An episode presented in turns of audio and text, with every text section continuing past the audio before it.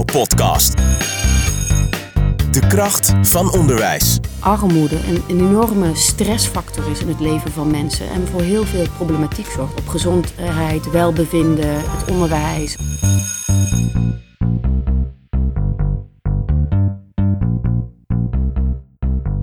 Welkom bij de podcast De Kracht van Onderwijs. Mijn naam is Rob Neutelings en ik werk bij Curio. Curio biedt inspirerende mensen graag een podium. In deze podcastserie spreek ik met mensen die een belangrijke invloed hebben op het Nederlandse onderwijs. Wat zijn hun ideeën? Wat gaat er goed? Wat kan en moet er beter? Tijd voor een goed gesprek met Esma Lalla. Welkom. Dank je. Deze podcast bestaat uit drie delen.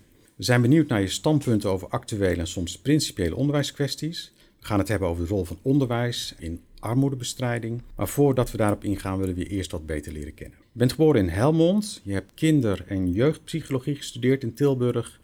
En je bent gepromoveerd in 2013 ook in Tilburg. Waar ging je proefschrift over? Op de relatie tussen kindermishandeling en ehm, jeugdcriminaliteit. Dus geweld binnenshuis en geweld buitenshuis. Je bent wethouder in Tilburg. Je hebt onder andere jeugd- en kansengelijkheid in je portefeuille, maar ook onderwijs en kinderopvang. Als je kijkt naar het onderwijs in de gemeente Tilburg, wa- wat is dan je grootste uitdaging? Nou, we hadden toevallig vanochtend een gesprek met eh, het team onderwijs, waarin we met elkaar hebben gesproken over eh, het onderwijs. Kijk, vanuit de gemeente heb je met name een wettelijk kader vanuit onderwijshuisvesting. Dus dat zijn knoppen waarmee je kunt draaien. En we hebben natuurlijk een lokaal educatieve agenda. Eh, maar we hebben echt nog stap- stappen te zetten in inclusief en passend onderwijs. We zien nog te vaak dat kinderen door allerlei omstandigheden niet naar school gaan in de wijk waar ze geboren zijn en waar ze wonen. En ik vind dat zorgelijk. Het tijdschrift Binnenlands Bestuur heeft je uitgeroepen tot beste lokale bestuurder van Nederland hè, in 2021. Betrokken, effectief en empathisch. En je hebt snel gehandeld om inwoners uit de schulden te halen en bestaanszekerheid te garanderen. Op welk resultaat ben je het meest trots? Die titel is een resultaat van velen. Ik mag daar het gezicht van zijn, maar ik kan dit alleen maar doen met een ontzettend goed team.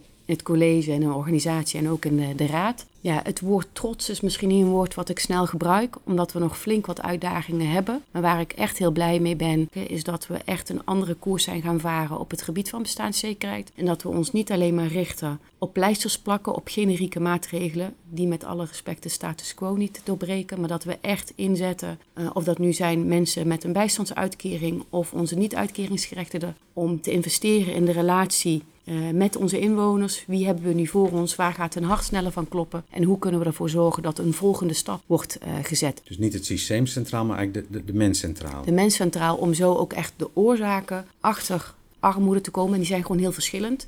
En daarmee het perspectief eh, vergroten. Van pleisters plakken naar echte medicijn. Wat is dat oplossen? ja, ja. Je bent ook lid van de Onderwijsraad. Wat doet de Onderwijsraad en wat is jouw rol daarin? Nou, de Onderwijsraad is een hele mooie organisatie die gevraagd en ongevraagd eh, advies geeft aan eh, de Eerste en de Tweede Kamer en ook aan de minister van Onderwijs op eigenlijk allerlei vlakken van het, eh, het onderwijs. En eh, daar eh, werken we dan met z'n allen heel hard aan. Wat is het laatste advies waar jij grote betrokkenheid bij hebt gehad? Het laatste was het advies dat ging over de publiek- en private samenwerking. Dus hoe ongemerkt steeds vaker de private organisaties het publieke domein van het onderwijs eh, binnengaan en dat dat wel zorgelijk is. En op dit moment ben ik bezig eh, met een advies om ons te buigen over eh, structurele lerarentekorten in het PO en VO. En hoe we daar gezien de schaarste die nog lange tijd zal blijven, en hoe we daar met elkaar het beste mee om kunnen gaan om onderwijs toegankelijk te krijgen, maar ook gewoon van goede kwaliteit. Bijzonder actueel thema. Ik ben ook heel benieuwd naar het advies. Om je nog wat beter eh, te leren kennen, een aantal persoonlijke vragen aan je. Wie was je meest inspirerende docent? Ja, ik heb het geluk gehad dat ik er heel veel heb eh, ontmoet. Eentje. Dus ik, dus ik zou bijna zeggen, als ik er één noem, dan doe ik de andere geen recht. Eh, maar eentje die bij mij altijd een heel speciaal plekje heeft gehad, dat is juffrouw Jetty, juffrouw Jetty Latour. Dat was mijn juf in groep 3 en in groep 5. Ja, ik had er gewoon een hele bijzondere klik met haar. En zelfs op het moment dat ik promoveerde was ze aanwezig. Dus dat was wel heel bijzonder. En wat was die bijzondere klik? Kun je dat beschrijven? Ik heb het gevoel gehad dat ze me heeft, echt heeft gezien met wat ik nodig had en waar ik, eh, waar ik van, waar mijn eh, ogen van gingen sprankelen. Ik heb een keer bij haar thuis koekjes gebakken. Nou, volgens mij is dat niet iets wat vanzelfsprekend is dat een leerling dit, eh, dit doet. Dus we hadden, ja, we hadden gewoon een hele bijzondere klik. En dan fijn dat een leerkracht dan ook nog twee keer eh, in je basisschoolloopbanen voorbij komt. Welk boek ben je momenteel aan het lezen? Ik heb net twee boeken uit. Eén daarvan is meer een, uh, zeg maar, niet werkgerelateerd. En dat was het boek van Lars Kepler, Stilte. Ik heb al alle andere boeken ook gelezen. En dit was de, de laatste, zijn laatste deel. En ik heb Beledigende Broccoli van Tim Schongers gelezen. En waar gaat het laatste over? En dit gaat over hoe uh, beleid vanuit vaak vanuit goede bedoelingen wordt bedacht, misschien vanuit een stadhuis, zonder rekening te houden, maar hoe dat overkomt op de inwoner, zonder de ervaringsdeskundigheid uh, mee te nemen, zonder soms uh, je te realiseren dat er sprake is van afhankelijkheid relaties en hoe je dan met alle goede bedoelingen heel erg de plank kunt mislaan. Klinkt als verplichte kost voor alle bestuurders. Zeker. Wat is je meest vervelende ervaring in je persoonlijke onderwijsloopbaan? Ik denk dat ik het toenertijd misschien niet zo heb ervaren als heel erg negatief, maar door de jaren wel steeds negatiever heb ervaren. En dat heeft dan toch te maken met het schooladvies is het feit dat ik een schooladvies kreeg dat volgens mij geen recht heeft gedaan aan waar ik het meest op mijn plek was. En dat was, en opgegroeid in Helmond, op het moment dat ik naar uh, een school, naar het VO zou gaan in Helmond, zou ik in een brugklas terechtkomen. En daarvoor was een HAVO-advies voldoende, dus ik heb geen VWO-advies gekregen. Wat ik wel zou krijgen als ik naar een gymnasium was gegaan buiten de school. Ja, en ik vind die redenering vind ik gewoon heel, uh, heel erg krom. Kan ik me heel goed voorstellen dat je dat vindt. Uiteindelijk is het natuurlijk nog wel goed gekomen met je. Nou, ik ben naar die brugklas gegaan en ik heb inderdaad wel gewoon neem gedaan. Ja. Als jij één dag minister van Onderwijs zou zijn, wat zou je dan als eerste doen? Nou, hopen dat ik van die ene dag misschien wel heel veel meer dagen zou kunnen maken. Ja, maar begin bij dag één. nou, ik vind het heel erg belangrijk dat we inclusief onderwijs hebben met hele logische doorlopende uh, leerlijnen. Dus dat begint al volgens mij voorschool, bij de voor- en vroegschoolse educatie en de kinderopvang.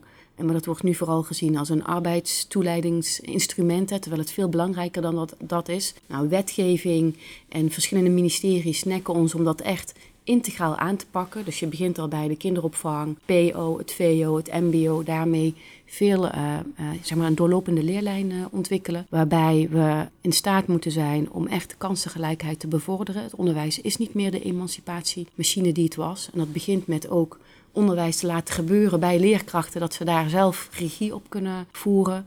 Kinderen extra leertijd geven, dat hebben ze echt voor die kinderen die dat nodig hebben. Dus ook later selecteren. En als ik dan toch nog één ding mag uh, toevoegen, dan zou ik ook. Uh, ik ben blij dat het leenstelsel wordt afgeschaft, maar ik zou ook een grotere compensatie geven voor die studenten die helaas uh, de dupe zijn van een stelsel wat echt, heel, wat echt gewoon verkeerd heeft uitgepakt. Nou zitten er 24 uur in een dag, maar als dit jouw ambities op dag 1 zijn, dan uh, zou het heel mooi zijn om dat te realiseren allemaal, kan ik me voorstellen. Hè, enerzijds dat leenstelsel, dat begrijp ik, en anderzijds eigenlijk de barrières uit het systeem halen en ervoor zorgen dat het onderwijs weer de kansenmotor wordt en dat zijn er nu niet meer. Wat is het beste advies wat je ooit gekregen hebt? Alles wat je doet, dat vooral met passie doen en met heel veel betrokkenheid en dan gaat de wereld open. De kracht van onderwijs. De stellingen. En ik leg je nu graag een aantal stellingen voor over onderwijs. En ik wil je vragen om eens of oneens te zeggen. Ik weet hoe lastig dat is. Ik had nog niet gezegd dat ik een weegschaal was. uh, maar dat geeft je wel de mogelijkheid uh, aan het einde om op één of twee stellingen waar je zegt... ja, hier wil ik toch wat genuanceerder op antwoorden, om daarop uh, te, te reageren. Diploma's moeten worden afgeschaft en vervangen worden door een skillspaspoort. Nee. Het voorstel van het CDA om mobieltjes te verbieden op de lagere middelbare school is een goed plan. Nee. Het moment waarop leerlingen kiezen naar het basisonderwijs voor een vervolgschool moet worden uitgesteld van 12 naar 16. Ja. In het basisonderwijs moeten leerlingen gratis een ontbijt en een lunch krijgen. Ja. In het voortgezet onderwijs moeten leerlingen gratis een lunch en een ontbijt krijgen. Ja.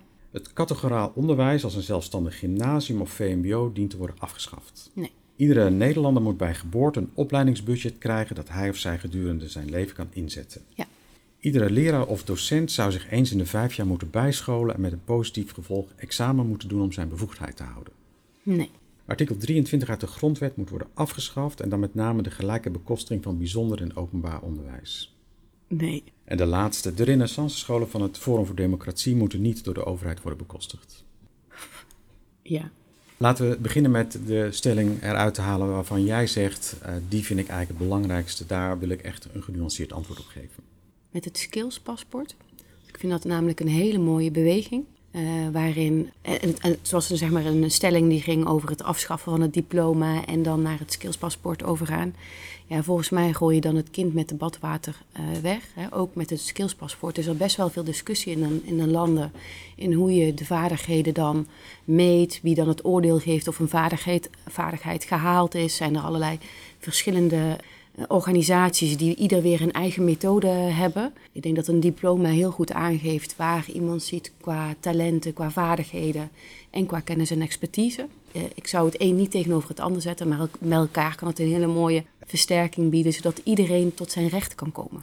Zou ik nog een vraag mogen stellen over een van jouw antwoorden? Over artikel 23 gaf jij aan, moet het worden afgeschaft ja of nee? En dan de gelijke bekostiging van bijzonder en openbaar onderwijs. Daar zei je eigenlijk nee. Is juist die situatie met de scheiding tussen openbaar en niet openbaar onderwijs niet een bijdrage aan dat we kansenongelijkheid groter maken? Ik, ik, ik dub daar echt in. Ik weet gewoon dat het ook dat onze samenleving daar ook nog niet voor klaar voor is om dat helemaal af te schaffen. Ik vind uh, de toegankelijkheid van het onderwijs en de kwaliteit van het onderwijs wel enorm belangrijk. Dus diep in mijn hart misschien wel, maar ik weet ook gewoon dat we er nog niet zijn. En de andere kant is ook waar ouders kunnen ook daarin gewoon kiezen uh, in wat zij uh, denken. Ik heb zelf, wij hebben onze kinderen echt op openbaar onderwijs laten volgen en dat hebben we heel bewust gedaan. De kracht van onderwijs. De verdieping. Tot slot van deze podcast wil ik heel graag met jou inzoomen op uh, armoede en dan met name armoede in relatie tot onderwijs. Uh, welke rol zou het onderwijs kunnen vervullen in het bestrijden van armoede? Of uh, wat zijn de gevolgen van armoede voor het onderwijs? En de eerste vraag die kan je wel stellen, dat lijkt een triviale vraag, maar ik, ik zou toch jouw beeld daarbij willen hebben. Wat is armoede?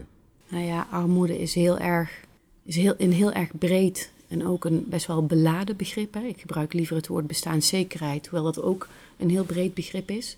Het gaat veel verder dan alleen maar uh, het inkomen of uh, het geld dat binnenkomt en wat uitgaat. Het gaat om een dak boven je hoofd. Het gaat om onderdeel zijn van de samenleving via opleiding, via werk. Het gaat om uh, in staat te zijn om je basisbehoeften te, te voorzien. Hè. Om in staat te zijn dat je aan het einde van de week nog eten over hebt. Dus het is heel verschillend. Vandaar dat ik ook echt inzet op in ons beleid, op uh, de inwoner leren kennen, weten wat er speelt, waar zijn dan de oorzaken, waar kan iemand dan een volgende stap uh, zetten. Maar als je terugbrengt naar onderwijs, ja, dan begint het misschien wel heel klein. Op het moment dat kinderen met honger naar school gaan en niet in staat zijn hun aandacht erbij te houden bij de les omdat ze gewoon al een paar dagen niet gegeten hebben of onvoldoende gegeten hebben. Ja, dat is voor mij heel concreet en net zo wezenlijk. Ik was gisteren op een uh, werkbezoek bij een basisschool hier in, uh, in onze gemeente. En daar hebben ze uh, het kinderontbijt, dat zijn we al gestart. Waarin vervolgens vanuit dat ontbijt gezinnen ook boodschappentas meekrijgen om de rest van de week thuis het ontbijt te kunnen voorzien. Ze hebben ook daar een boterhammenbar. En, zij, en dat doen ze ook samen met ouders. Dus een enorme grote ouderbetrokkenheid. En soms komt het nog steeds voor dat een kind wat minder oplet, wat vermoeider is. En dan blijkt dat het gewoon twee dagen niet gegeten heeft. Ja, dan kun je het heel erg met elkaar hebben op kansengelijkheid en richten op de basisvaardigheden die ontzettend belangrijk zijn. Want die zijn randvoorwaardelijk om een volgende stap te zetten. Maar ja, als iemand gewoon niks te eten, niks te drinken heeft gehad, dan, uh, ja, dan houdt het op. Dan houdt het op. De relatie tussen bestaanszekerheid kansenongelijkheid in relatie tot onderwijs, is die er? Ja, die is, die is enorm. We zien, nog, we zien eigenlijk nu steeds meer dat waar je wieg staat enorm bepaalt wat, uh, wat de uitkomsten zijn op latere leeftijd of op je adviezen en dergelijke. Als je opgroeit in een omgeving die weinig kansrijk is en je komt niet in aanraking met allerlei andere beroepen, niet in aanraking met kunst en cultuur, je bent niet in staat om te kunnen sporten, dan, dan, dan, ja, dan heb, ervaar je dus minder kansen, waardoor ook het denken uh, minder wordt. Dus dat is, speelt wel degelijk een rol. En we zien helaas in sommige wijken uh, nog steeds dat er een groter percentage adviezen krijgt die niet passen bij dat specifieke kind. En hoe gaan we dat veranderen? Nou ja, dat, dat is stapje voor stapje. Dat is best ingewikkeld. Hè? Ik zeg al, op school komt veel terecht. Hè? Nog veel, een, groot aantal maatschappelijke opgaven waarin ook uh, jeugd- en kansengelijkheid. Dus we moeten veel meer nadenken over inclusief onderwijs. We moeten ook durven uh, differentiëren in financiering. Dus daar de scholen waar uh, de nood het hoogst is, daar extra investeren. Zorgen dat we daar de beste onderwijshuisvesting hebben, de beste schoolgebouwen waar iedereen naar die school wil. De, onze, uh, de meest betrokken en goede docenten juist daar na, naartoe gaan. Dus daarin ook echt durven verschil te maken. Zodat niet alleen de kinderen in de wijken daarvan enorm profiteren. Maar vooral ook dat het een aanzuigende werking krijgt, waardoor iedereen daar naartoe gaat. Zodat je ook groepen die elkaar gaan ontmoeten. Wij horen soms nog steeds, en overigens is dat niet alleen maar in Tilburg, maar ook in Tilburg, dat ouders uit een bepaalde wijk trekken met hun kinderen naar scholen buiten de wijk. Terwijl je het liefst wil dat gewoon ieder kind in de eigen wijk naar school gaat. En of dat nou gaat om passend onderwijs met extra ondersteuning, of dat het gaat om kinderen die elkaar ontmoeten. Dus daar waar het gebeurt, zie je ook gewoon dat iedereen daarvan profiteert. Wat ik heel mooi vind aan je antwoord, ik sprak eerder in deze podcastserie Inge de Wolf, hè, zij is hoogleraar onderwijssystemen.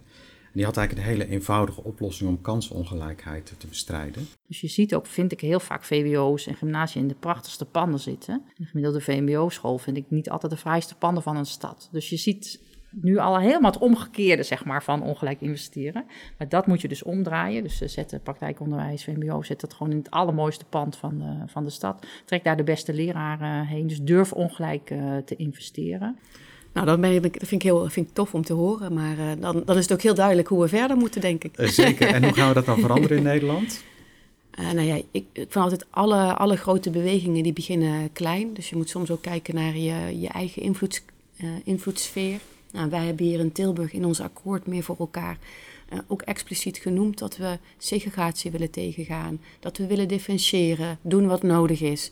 Uh, en dat betekent dus in die wijken ook, waar, daar waar deze problematiek het meest speelt, om daar gewoon echt extra te investeren. Uh, ik weet bijvoorbeeld hier in Tilburg-West zijn we bezig met een community school, waarin alle relevante partners uh, betrokken zijn, maar uiteraard ook ouders, want dat zijn ook een hele belangrijke partner, waar we dus gezamenlijk om de kinderen heen gaan staan en gaan kijken wat er nodig is. Of dat nu extra tijd is, extra lestijd, leertijd of, of anders, om dat te bieden, zodat zij zich eigenlijk de beste versie van zichzelf worden die in essentie al aanwezig is. Ja, en dat is de, de betekenis van kansengelijkheid. Hè? Het beste uit Precies. jezelf kunnen halen, wat, dat wat bij je past. Ja.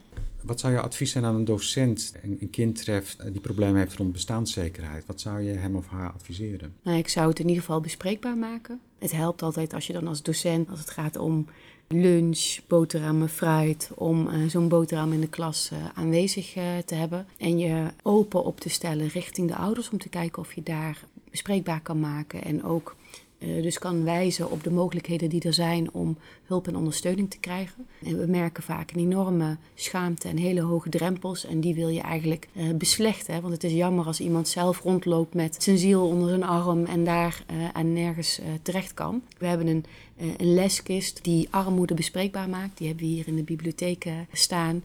Waardoor er allerlei boeken zijn geschreven zeg maar, op niveau van kinderen rondom het thema van armoede, bestaanszekerheid, dak- en thuisloosheid. Met een hele lesbrief eraan gekoppeld om dat onderwerp bespreekbaar te maken, ook met kinderen. En nou, dan heb je, en lezen is ontzettend belangrijk, het leesplezier. En ook deze thema's vervolgens bespreekbaar maken in de klas. En vervolgens samen kijken in de klas wat er nodig is.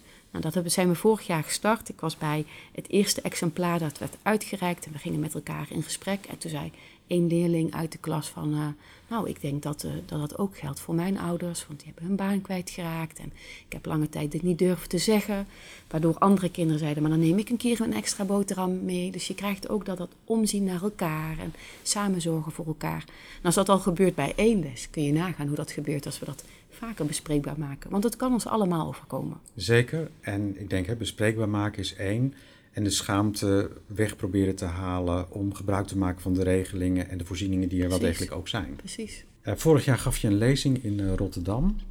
Toen heb ik je horen zeggen dat je met een MBO-diploma bestaanszekerheid hebt. Betekent dat ook dat je daarmee zegt dat het MBO alleen opleidingen moet aanbieden uh, die een goed baanperspectief hebben? Ik las in het FD dat van de 500.000 MBO-studenten die wij in Nederland hebben, 100.000 een opleiding volgen die eigenlijk onvoldoende kans op de arbeidsmarkt biedt. Zeg je daarmee van nou MBO, uh, neem je verantwoordelijkheid en stop met die opleidingen? Oh, dat is een hele ingewikkelde vraag.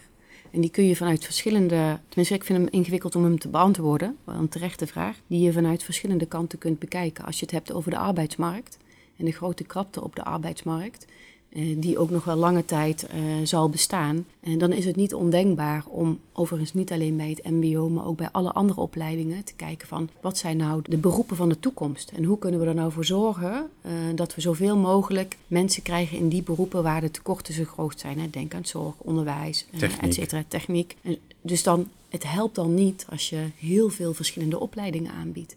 Maar onderwijs gaat om zoveel meer dan alleen maar opleiden tot de arbeidsmarkt. Dus als ik SEC kijk vanuit de arbeidsmarkt, zou ik misschien zeggen: ja, dat is misschien een knop waaraan je zou willen draaien. Als je kijkt naar persoonsontwikkeling en als je gaat kijken naar hoe iemand zijn talenten tot zijn recht kan laten komen eh, en aansluit bij een, bij, bij een passie. Uh, en daar gaat het onderwijs ook over. Het gaat veel, veel meer dan alleen maar de, de cognitieve ontwikkeling, ook over de persoonsontwikkeling en het burgerschap. Um, dan zou ik zeggen, nee, het is juist heel mooi uh, dat, dat, dat jongeren hun passies volgen. Want je wordt nog voor zoveel meer opgeleid dan alleen voor dat beroep. Je leert allerlei vaardigheden, uh, leer je die je ook kunt toepassen in andere sectoren. Als het gaat over bestaanszekerheid, en ik denk dat we samen de conclusie trekken dat is belangrijk, dan zijn een aantal opleidingen te verkiezen boven een aantal andere opleidingen. Dat wil niet zeggen dat in die opleidingen die leiden tot bestaanszekerheid geen enkele ontplooiingsmogelijkheden zitten om je als persoon te ontwikkelen. En waarom niet een opleiding tot installatietechnicus volgen, terwijl je passie dansen is en dan volg je een bijvak dans en dan kun je je ontwikkelen in die passie.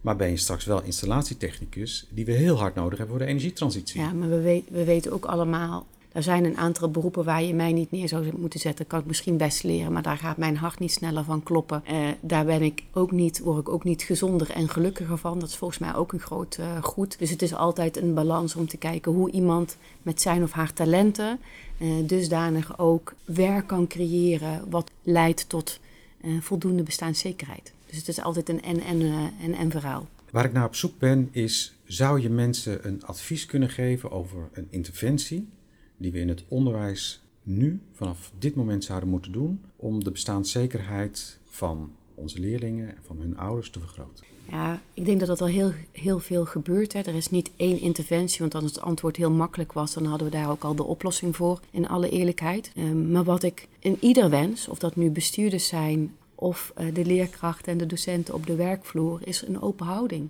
Wees nieuwsgierig en open naar de ander en probeer daar oordeelloos naar te kijken. En dat hebben we helaas wel, zeker als het gaat om mensen die dat bestaanszekerheid niet ervaren, die in armoede leven. Daar hebben we allerlei beelden bij. En dan kijken we ook met onze eigen normen en waarden soms eh, naar de groep, dat gewoon niet terecht is. Dus uh, wees open, nieuwsgierig, oordeelloos um, en loop, zolang dat nodig is, een tijdje mee naast iemand. Hè? Dus ook al heb je niet vanaf vandaag op morgen de oplossing, je kunt er wel vandaag en morgen voor iemand zijn. Prachtig uh, advies. Uh, dank je wel, uh, Esma. En dank je wel dat jij mijn gast wilde zijn in de podcastserie De Kracht van Onderwijs. Graag gedaan. Reageren op deze podcast. Vragen? Suggesties voor gasten? Stuur een mailtje naar r.neutelings.curio.nl Vandaar ook mijn motto elke keer. Bestaanszekerheid eerst en bestaanszekerheid voor iedereen. Maar zodra het woord dwang of moeten komt, dan uh, krijg ik een beetje jeuk. Curio Podcast.